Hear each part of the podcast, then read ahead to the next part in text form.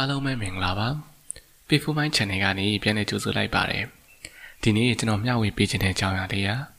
ဆရာဖေမြင့်ရေးသားထားတဲ့ကိူနာဆိုတာတနာတာနဲ့မပြီးပါဆိုတဲ့စောင်းပါလေးပဲဖြစ်ပါတယ်ဒီအကြောင်းအရာလေးကိုဆရာဖေမြင့်ရေးသားထားတဲ့မူမှန်စိတ်မူမှန်အတွေ့မူမှန်အကျင့်ကြံဆိုတဲ့စာအုပ်ထဲကနေကောက်နှုတ်တင်ဆက်ထားခြင်းလည်းဖြစ်ပါတယ်ဒီဆောင်ပါလေးထဲမှာဂယုဏရဲ့အကြောင်းကိုဥပမာများနဲ့တကွရှင်းလင်းတင်ပြထားပြီးတော့ဂယုဏရှင်တယောက်ရဲ့အရေးချင်းတွေကိုပါ ဖော်ပြထားတာဖြစ်တဲ့အတွက်ကျွန်တော်တို့အတူတူကြည့်လိုက်ကြရအောင်ပါဂယုဏဆိုဒီမှာတနာတာနဲ့မပြီးပါများမကြာမီကပုပ်ကိုတယောက်ကွယ်လွန်အနေဆာရောက်ခဲ့တယ်အဲ့ဒီပုပ်ကိုကြီးကစီးပွားရေးလူမှုရေးနယ်ပယ်တို့မှာအောင်မြင်ကြော်ကြားခဲ့တဲ့သူတယောက်ဖြစ်ပြီးတော့သူနဲ့တည်ကျွမ်းခင်မင်သူတွေကျေးဇူးခံကျေးဇူးသားတွေကလည်းများပြားလာပြီးတော့သူ့ရဲ့အတူပါကအတော်လေးကိုစီးကားပါတယ်။တင်းကြိုင်မှာသွားလေသူအတွက်မိုးယိုကြသူတွေအထက်မှာ ပုပ်ကိုကြီးနဲ့ဆွေမတော်မျိုးမဆက်တဲ့လူရွယ်တယောက်ပါဝင်နေတယ်။အဲ့ဒီလူကနောက်ပိုင်းတနေရာမှာဝမ်းနဲ့ပန်းနဲ့နဲ့ငိုရှိုက်နေရင်းနဲ့သူနဲ့တေးသေးချာချာတိကျွမ်းပုံမရတဲ့အတုပပို့ဆောင်သူတို့ကိုစကားပြောလျက်ရှိပါတယ်။၎င်းတို့ရဲ့လေကမိမိဟာဒီပုပ်ကိုကြီးထံမှာခိုင်းစေတဲ့အလုသမားဘဝကနေစတင်ဝင်ရောက်ခဲ့တဲ့အကြောင်းမိမိအားအလုလုပ်ရင်းနဲ့ကြောင်းတက်ခါဘွဲရအောင်ကြိုးပမ်းရန်အမြဲတိုက်တွန်းလေးရှိတဲ့အကြောင်း စာချုပ်ချိန်ရရန်အတွက်လည်းတက်တာတဲ့အလုပ်တွေကိုသာတာဝန်ပေးခိုင်းစေခဲ့တဲ့အကြောင်းမိမိမှာစေတန်းဆံမွေကိုအချင်းချင်းကြာရှုံးခဲ့ပေမဲ့ဒီကောင်ကတော့အလကားပါကွာဖြစ်မြောက်မဲ့ကောင်မဟုတ်ဘူးဆိုတဲ့စကားမျိုးတွေမပြောဘဲနဲ့ဆက်ကြိုးစားကွာတနစ်မအောင်ရင်တနစ်အောင်ရမှာပေါ့ဘယ်တော့မှစေတန်းမအောင်နိုင်တဲ့လူသားမျိုးမရှိဘူးကွာဆိုပြီးတော့စိတ်ရှိလက်ရှိအားပေးစကားပြောလို့ရှိတဲ့အကြောင်းတချို့တထေးကြီးတွေဟာထူးချွန်တဲ့လူငယ်တွေကိုပညာသင်ထောက်ပံ့ခြင်းပေးခြင်းတွေ ဆုရစိတ်ချီးမြှင့်ခြင်းတွေနဲ့မြေတောင်မြောက်လေရှိတဲ့အကြောင်းသို့တော့မိမိကဲ့သို့အရေးချင်းနေပါသူတယောက်ကိုကရုဏာရှိထားပြီးတော့ကုညီအားပေးတဲ့သူမျိုးကရှားပါလာတဲ့အကြောင်းတကယ်ကိုလိုက်လဲဝမ်းနေစွာတတာပြောဆိုလျက်ရှိရမှာကွယ်လွန်သူပုဂ္ဂိုလ်ကြီးရဲ့နင်းကြသူလူတစ်ဖက်သားအပေါ်မှာစာနာထားတဲ့သောစိတ်သို့မဟုတ်ဂယုဏအကျဉ်းနာစိတ်တို့ကအနီးနားမှာရှိတဲ့လူတွေထံကိုကူးလူပြန့်သွားပါတော့တယ် ထိုလူတို့ရဲ့စိတ်မှာဂယုဏတရားဆိုတာထားကောင်းတဲ့အရာပါတကားဂယုဏစကားတခွန်းတီးပြီးလင်နာကြားရတဲ့သူအတွက်အလွန်တန်ဖိုးကြီးပါတကားဆိုပြီးတော့နားလည်မိကြရာ၎င်းလူများအနေနဲ့နောက်အခါမှာအနည်းနဲ့အများပို့ပြီးတော့စာနာထောက်ထားတတ်သူတွေပို၍ကောင်းသောသူတွေဖြစ်လာနိုင်စရာရှိပါတယ်။စင်စစ်ဂယုဏတရားရဲ့ဆွမ်းအားကကြီးမားလာပါတယ်။ပို၍လေးနက်အောင်ပြောရမယ်ဆိုရင်ဂယုဏတရားက ကမ္ဘာလောကကို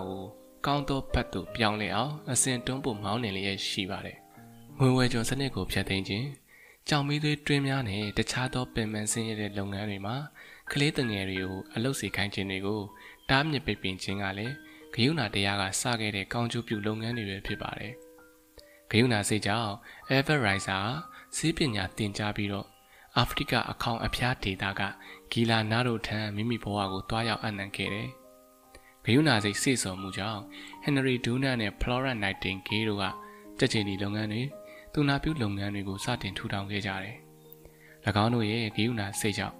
မာသာထရီသာကဲ့သို့စေတနာရှင်သူတော်မြတ်တွေလည်းအမြောက်အများထပ်ဆင့်ပေါက်ပွားစေခဲ့တယ်။ယနေ့ကမ္ဘာနိုင်ငံအများပြားမှာလှုပ်ရှားဆောင်ရွက်လျက်ရှိတဲ့လူမှုဖူလုံရေးလုပ်ငန်းတွေ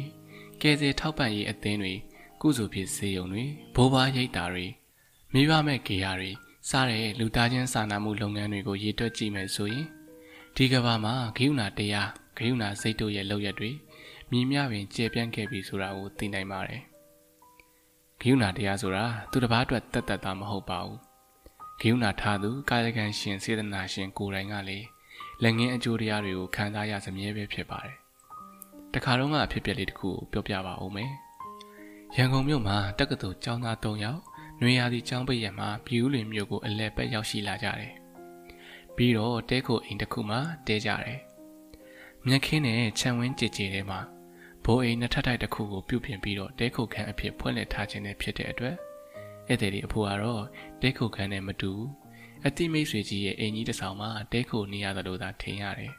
။အိမ်ရှင်တွေများနှစ်ယောက်စလုံးကလည်းသဘောကောင်းပုံရတယ်။သို့တော့များစွာရှင်ရှင်ပြပြမရှိကြပါဘူး။ အထူးသဖြင့်အမျိုးသမီးရဲ့မျက်နှာမှာ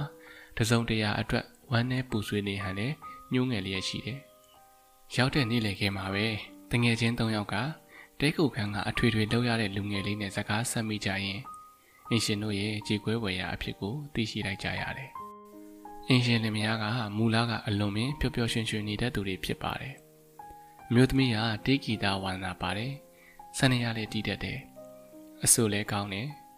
မိတ်ဆွေအပေါင်းအသင်းတွေဧည့်သည်တွေနဲ့အတူအမြဲတည်ဆူတီးခတ်လေးရှိတယ်။သို့တော့လွန်ခဲ့တဲ့နှစ်နှစ်ခန့်ကအင်ရှင်လင်မယားရဲ့တူဦးရသောသားကလေးဟာမတော်တဆထိခိုက်မှုတစ်ခုကြောင့်တည်ဆုံးသွားခဲ့ရတယ်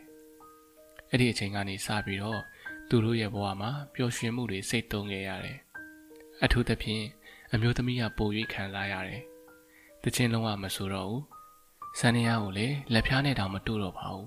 ။ဒီလိုနဲ့နောက်နေ့မှာ လူငယ်၃ယောက်ကမနေ့အိယာကထားတာနဲ့တပြိုင်နက်တဲခုတ်ကန်ကနေထွက်လာပြီးတော့လမ်းလျှောက်လာကြတယ်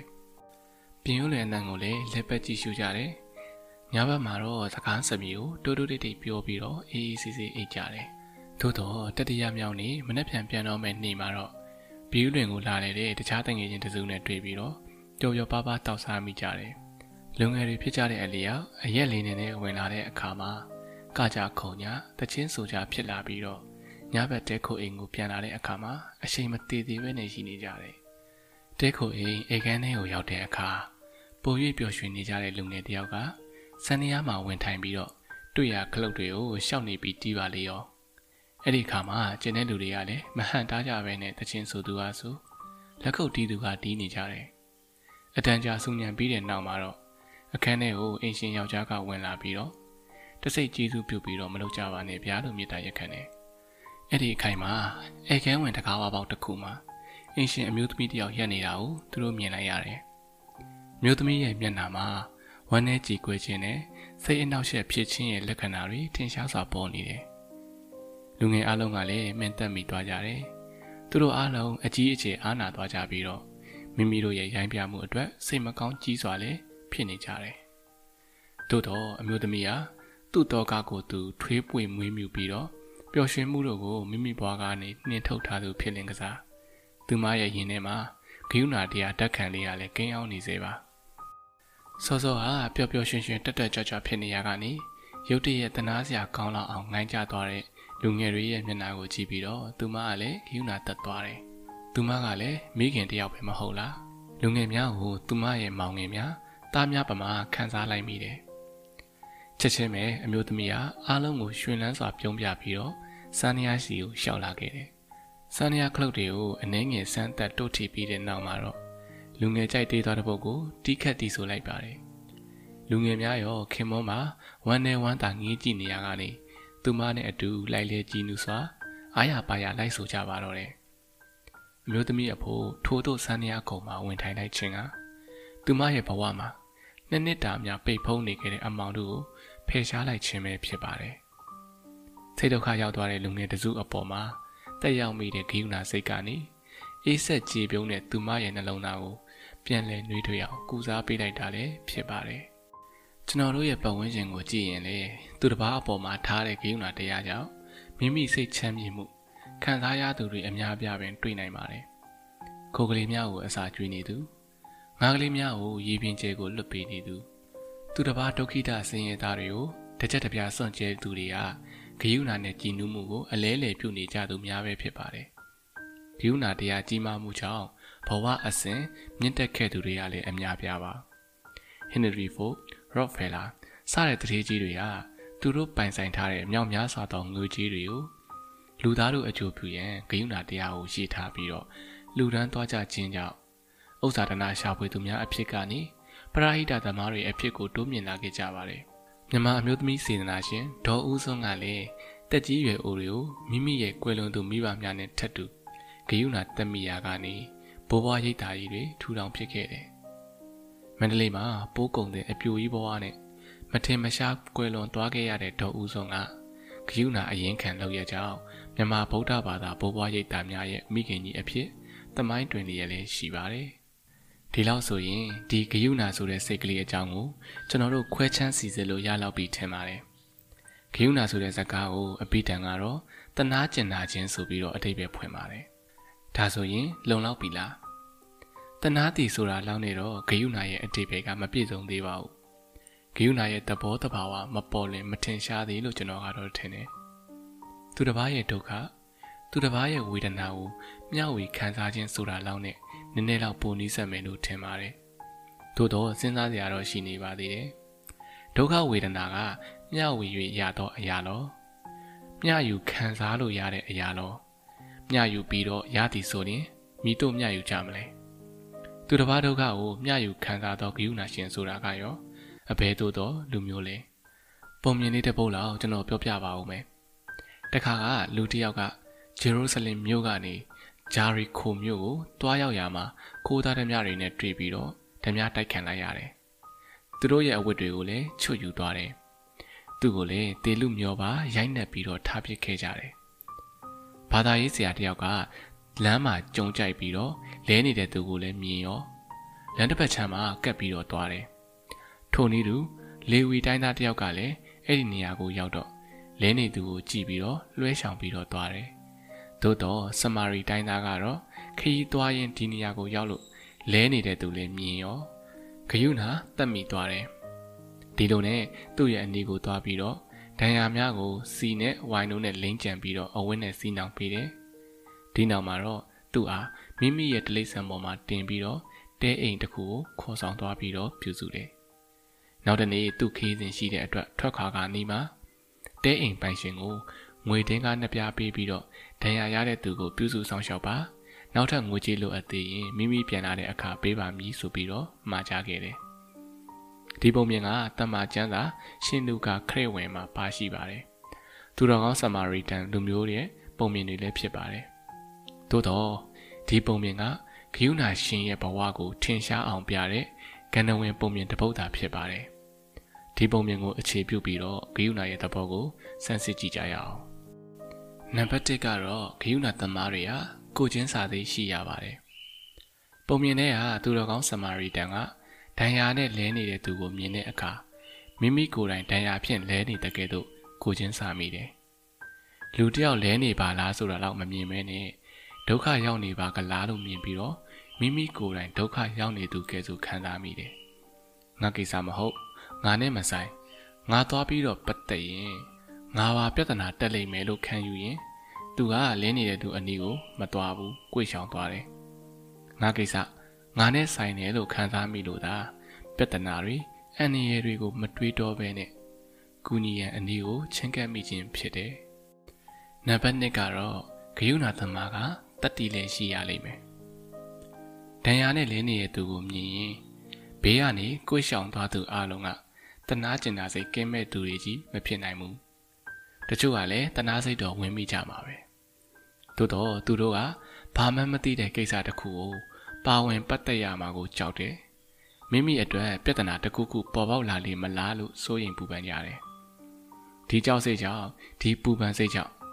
အဲ့ဒီပူပန်စိတ်ကနေတားဆီးတဲ့အတွက်ကြောင့်သူတို့ရဲ့တနာချင်းတွေကကူညီခြင်းအဆင့်ကိုရောက်မလာပဲနဲ့ရင်နဲ့စိတ်ထဲမှာပဲပြက်ပြဲသွားရတယ်နံပါတ်3ကတော့ ကူညီတတ်တဲ့အလေးချင်းရှိရမယ်လမ်းဘေးမှာဒဏ်ရာနဲ့လဲနေတဲ့သူတယောက်ကိုမဆိုင်မတွကူညီတဲ့သူကိုကိစ္စပမာအဆအဆုံးတာဝန်ယူဆောင်ရွက်သွားတဲ့သူဆမာရီတန်ကသူနဲ့တွေ့မှရုတ်တရက်ကူညီသူတယောက်တော့မဖြစ်နိုင်ဘူးသူ့အမူအရာကိုမြင်အောင်အကဲခတ်ကြည့်မယ်ဆိုရင်ဒီလူကရောက်လေရမှာလူတကာကိုကူညီတတ်တယ်ဖေးမတတ်တယ်အဲ့လိုလူတယောက်ဖြစ်ရမယ်လို့မှန်းဆနိုင်တယ် ဆင်းရဲဆုပ်ပြတ်တဲ့သူကိုအဝတ်အထည်ကမ်းပေးခဲ့တယ်လို့မျိုးလမ်းပေါ်ကကြောက်တုံးကိုဘေးကိုဖယ်ရှားပေးခဲ့သူလိုမျိုးတက်ကြီးရွယ်ဦးတွေ့ရင်ဖေးမခေါကတင်တက်တဲ့လူမျိုးသာဖြစ်ရမယ်အသေးအဖွဲများကိုကူညီလေးရှိသူမတင်မဖွဲသောကိစ္စများမှာလည်းနှောင့်နှေးခြင်းမရှိတဲ့သူအဲ့လိုဖြစ်တဲ့ကဲ့သို့ယခုလိုမျိုးဓမြရိုက်ထားတဲ့သူနဲ့တွေ့တဲ့အခါမှာလေရဲရဲဝံ့ဝံ့ကူညီဖြစ်ခဲ့ခြင်းဖြစ်တယ်လို့စဉ်းစားမိနိုင်တယ်။ဒါကြောင့်ဒုက္ခရောက်တဲ့သူအပေါ်မှာ ကိုချင်းစာတတ်တဲ့စိတ်ဓာတ်လှုပ်ရှားရှိတာကိုရဲဝံ့စွာလှုပ်ဆောင်တတ်တဲ့တတ္တိနဲ့သူတစ်ပါးတွေကိုကူညီတတ်တဲ့အလေးထားတို့ကသာဂယုဏရှင်တို့ရဲ့အည်ချင်းများဖြစ်တယ်လို့ဆိုခြင်းနဲ့သို့တော့ဒီအည်သွေးများကအလွန်အလွန်ထူးခြားတဲ့သူတွေမှသာရှိတတ်တဲ့ရှားပါတဲ့အရာမျိုးတော့မဟုတ်ပါဘူးလူတိုင်းလူတိုင်းမှာဒီအည်သွေးတွေအနည်းနဲ့အများဆိုသလိုရှိနေတတ်ကြပါတယ်ဒီအခြေခံရှိရင်ဆိုအည်အသွေးတွေကိုတိုးပွားအောင်ကြံဆောင်လေ့ကျင့်ရင်းနဲ့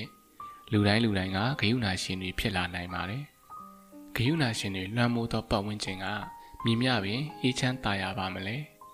ဒီလိုပတ်ဝန်းကျင်မျိုးမှာကျင်လည်ရတဲ့လူတို့ရဲ့ဘဝကမြင်မြတက်တာလွယ်ကူပါမလဲထို့ကြောင့်ဂယုဏလွှမ်းသောပတ်ဝန်းကျင်ဖြစ်ရန်အတွက်မိမိကစတင်ပြီးတော့ဂယုဏစိတ်မွေးမြူဖြန့်ချီကြပါကိုညီတတ်တဲ့အလေးအထားကိုပြုစုပြောထောင်ပါဂယုဏစိတ်ဆိုတာ တင့်အားကိုစိတ်နှပြရွှင်နှန်းချမ်းပါစေခြင်းနဲ့ဖြစ်ပါလိမ့်မယ်ထို့ကြောင့်လူအများကိုဂယုဏထားကူညီမယ်ဆိုရင်အများရဲ့ဂယုဏနဲ့ကူညီမှုကိုတင်တုံ့ပြန်ရရှိပါလိမ့်မယ်ဂယုဏစိတ်ဆိုတာက ပြန့်နှံ့ပွားများတတ်သောသဘောရှိပါတယ်